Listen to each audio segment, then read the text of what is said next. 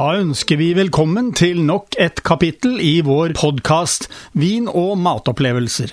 Som vi har gjort tidligere, vil vi tilby deg gode tips om mat og vin, ikke minst nyheter etter hvert som de kommer på Vinmonopolet. I tillegg til det vil vi ta spesielt for oss kombinasjoner av mat og drikke.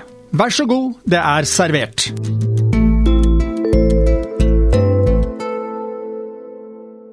Vi har tidligere snakket om druer i denne podkasten. Den gang var det druer som eh, laget gode viner til viltmiddager.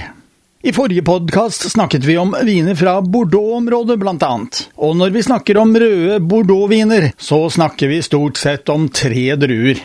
Det er eh, Cabernet Sauvignon, det er Merlot, og det er Cabernet Franc. Det finnes flere, men de brukes ikke i samme omfang. Det finnes Bordeaux-viner du kan få for en rimelig penge, og det finnes de som koster opptil flere lommebøker. Akkurat det kommenterte vi i forrige podkast, så det lar vi ligge i dag. I forrige podkast snakket vi om viner fra underområdet Saint-Emilion.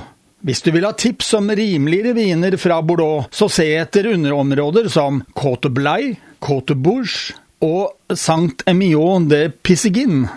Dette er kommuner som ikke er blant de mest prestisjetunge, men som likevel lager gode viner. Men det som du kan være litt interessert i å vite, det er hvordan bordeauxviner smaker. Ikke minst slik at du selv kan vurdere. Er dette noe som jeg kommer til å sette pris på? Vel, la oss starte med druen som amerikanerne kaller King Cab, eller Cabernet Sauvignon, som den egentlig heter. Hvordan smaker nå den? Solbær, solbær og atter solbær. Vel, litt mer eh, variasjon er det jo over Cabernet Sauvignon, men druen ser ut som, og smaker som, solbær. I tillegg vil du finne både svarte kirsebær og plommer av frukt i de yngste vinene. Så hvis dette er smaker som du kan trives med, kan disse vinene passe for deg.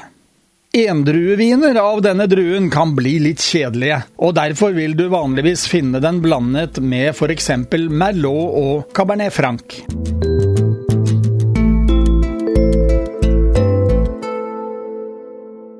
Så la oss gå videre til Merlot-druen.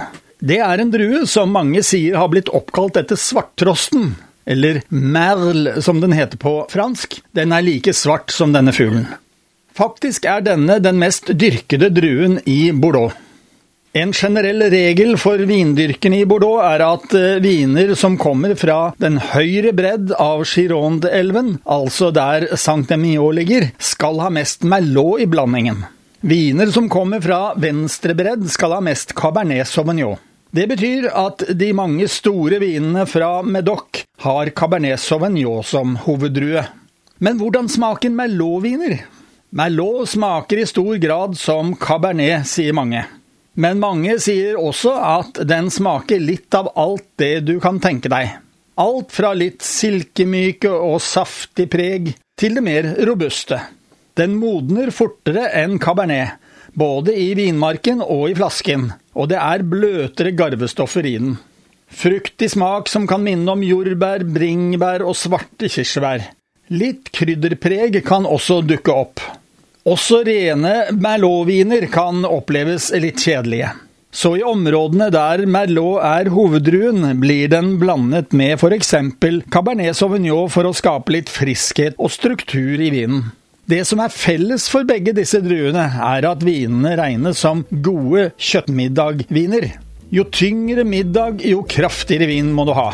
Her skal det være balanse.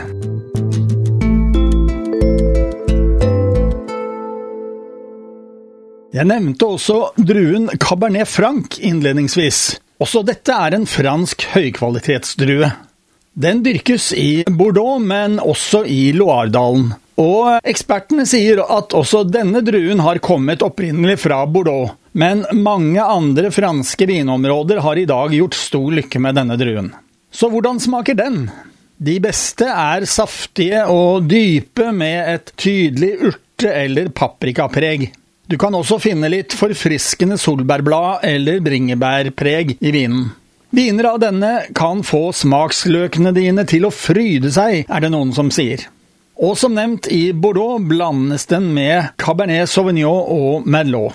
Sammen med disse druene gir den flotte kjøttviner. Da har du fått dagens podkast fra Radio Riks Oslo om mat og vin. Hvis du ønsker å abonnere på den, slik at du får den automatisk når nye blir lagt ut, kan du gjøre det. Kommende mandag får du neste kapittel. Vi høres!